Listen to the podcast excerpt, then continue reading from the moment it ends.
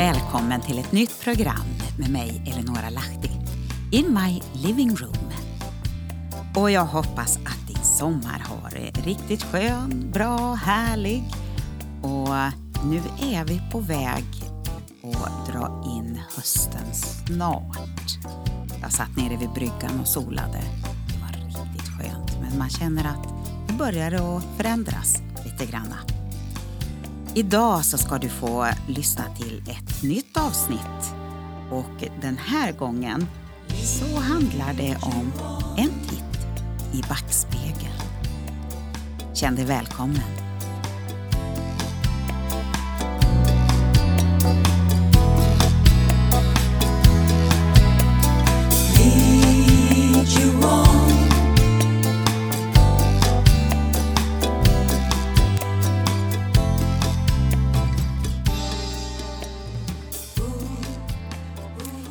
Jaha, så har det blivit augusti. Och det känns som om tiden bara går fortare och fortare. Ja, jag förstår inte riktigt vad som händer. Hur som helst, jag har köpt en cykel i sommar. Men jag önskar bara att jag cyklat mera än vad jag gjort. Men man kan ju bättra sig. Det märkliga det var att jag fick tillbaka så många barndomsminnen när jag har varit ute och cyklat. En hund och en prästkrage, ja, det förde mig omkring 50 år bakåt i tiden. Det var som att titta i backspegeln. En kvinna kom gående med sin hund på grusvägen där jag cyklade. Och det var väl inte så märkvärdigt jag som ofta möter hundägare på mina promenader. Men jag cyklade den här gången. Och jag blev påmind om den isande kyla och fruktan som jag upplevde som barn när en stor schäfer jagade mig. Jag hade plockat liljekonvaljer i en backe när hunden upptäckte mig. Och jag slängde mig på cykeln med hunden jagande och skällande bakom mig. Oj, oj, oj, vad det gick undan. Så cyklade jag vidare på min nya vita cykel. Och jag såg fullt med prästkragar längs vägen. Som barn lekte vi ofta med dessa blommor för att se om vi skulle bli gifta. De vita kronbladen plockades varsamt bort medan vi sa gift, ogift, gift, ogift. Ja, det gällde att få gift på det sista bladet. Och på badstranden var det ofta en tråd från en filt eller ett badlakan som sysselsatte oss. Vi snurrade tråden runt fingret för att få veta första bokstaven på den vi skulle gifta oss med. A, B, C, D, E. Ja, jag fortsätter och reflekterar utifrån det jag ser och upplever och samtidigt tittar jag bakåt i backspegeln. Det har varit konferenstider och vi ser alla åldrar har blandats. Och vid ett tillfälle så la jag märke till en liten pojke i 8-9 års ålder. Han har som många andra barn sin iPad med sig till mötena och lurar i öronen för att inte störa. Det var fullt tryck i lokalen och alla kunde vara med i lovsången när texterna rullades upp. Efter en stund så var det dags för Ulf Kristiansson och ingen i lokalen var oberörd. Men pojken han fortsätter titta på sin iPad helt omedveten om vad som händer i lokalen. Och bibelorden, de kommer upp på skärmarna till predikan. Allt är så långt ifrån hur det var när jag var i den åldern. Och jag, jag tittar återigen i backspegeln.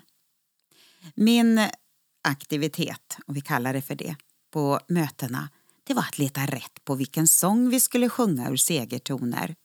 Pastorn sa ett nummer och man måste vara alert så man inte missade det och man sjöng vers på vers. Sen var det kollekt om man hade sina slantar med sig och därefter var det dags för predikan.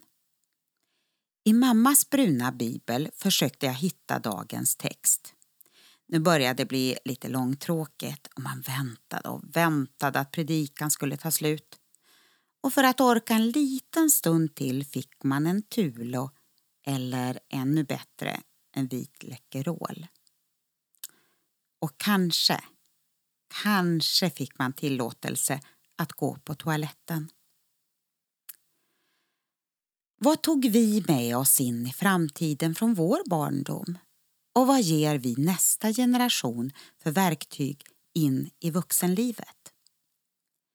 Vi kan bära med oss händelser och upplevelser som vi en gång inte rådde på och där fruktan och oro nu kan ha funnit en boningsplats.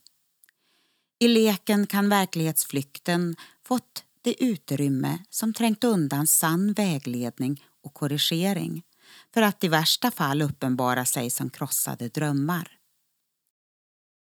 Och i vår livs iPad spelas det upp gamla minnen och föreställningar och det hindrar oss att se och ta in det som händer här och nu.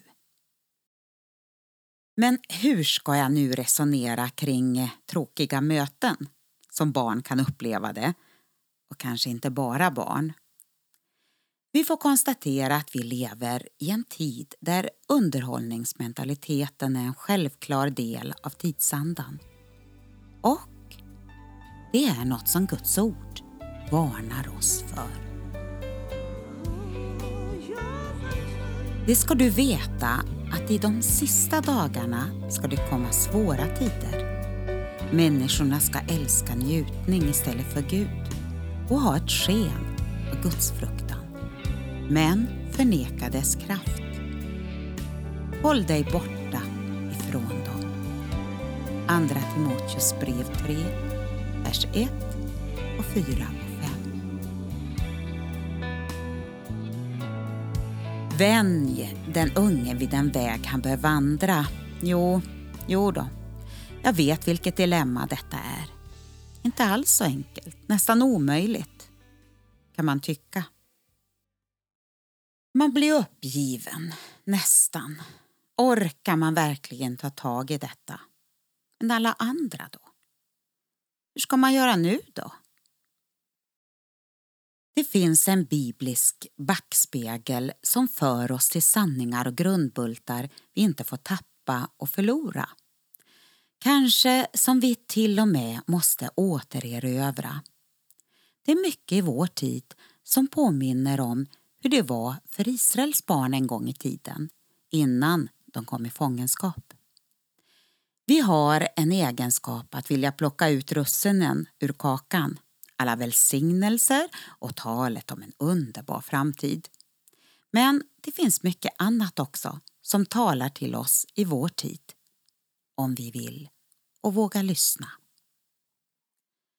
Tio av Israels stammar fick på 700-talet före Kristus uppleva hur assyrierna kom och erövrade dem för att föra bort dem som fångar till Babylon. Och 200 år senare kom babylonierna och tog de resterade två stammarna, Juda och Benjamin. De hade fått en nådatid som krävde omvändelse och bättring, men man lyssnade inte. Och Amos, ja, du känner profeten. Amos, han ropar också i vår tid. Och backspegeln visar en tid för länge sedan som i sin tur har en spegel in i framtiden. Amos talade till ett folk fylld av självsäkerhet, egen rättfärdighet och brist på gudsfruktan. Och du, där, där är vi nu.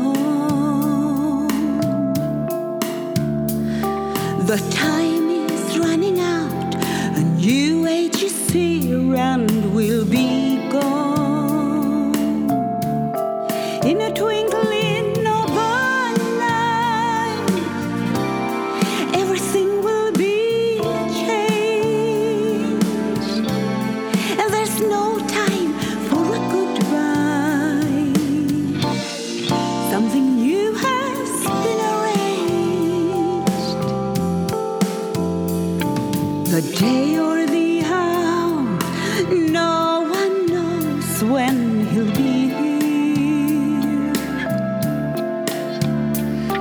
But one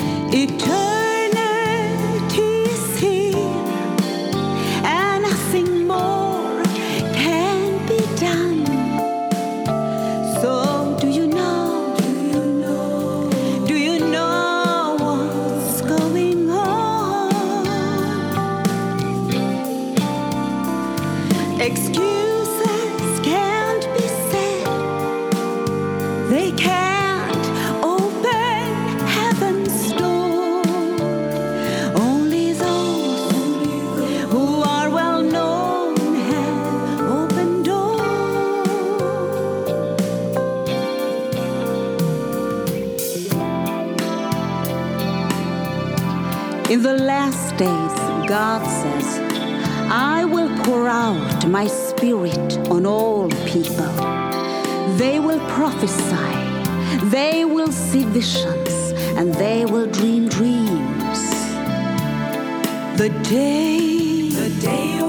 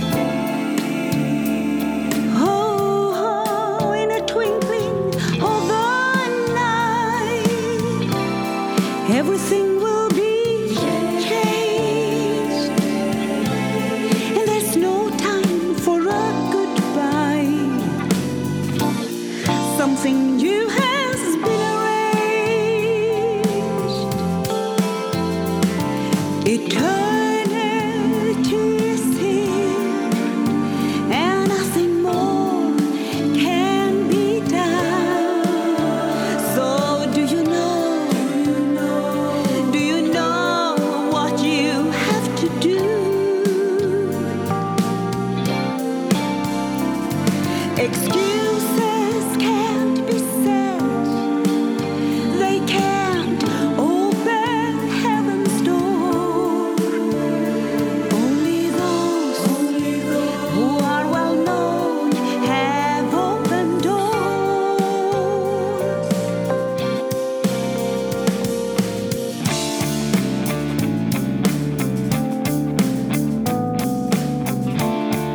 I will show wonders in the heaven above and signs on the earth below blood and fire and billows of smoke.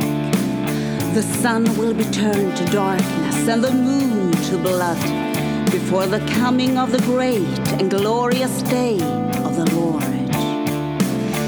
And everyone who calls on the name of the Lord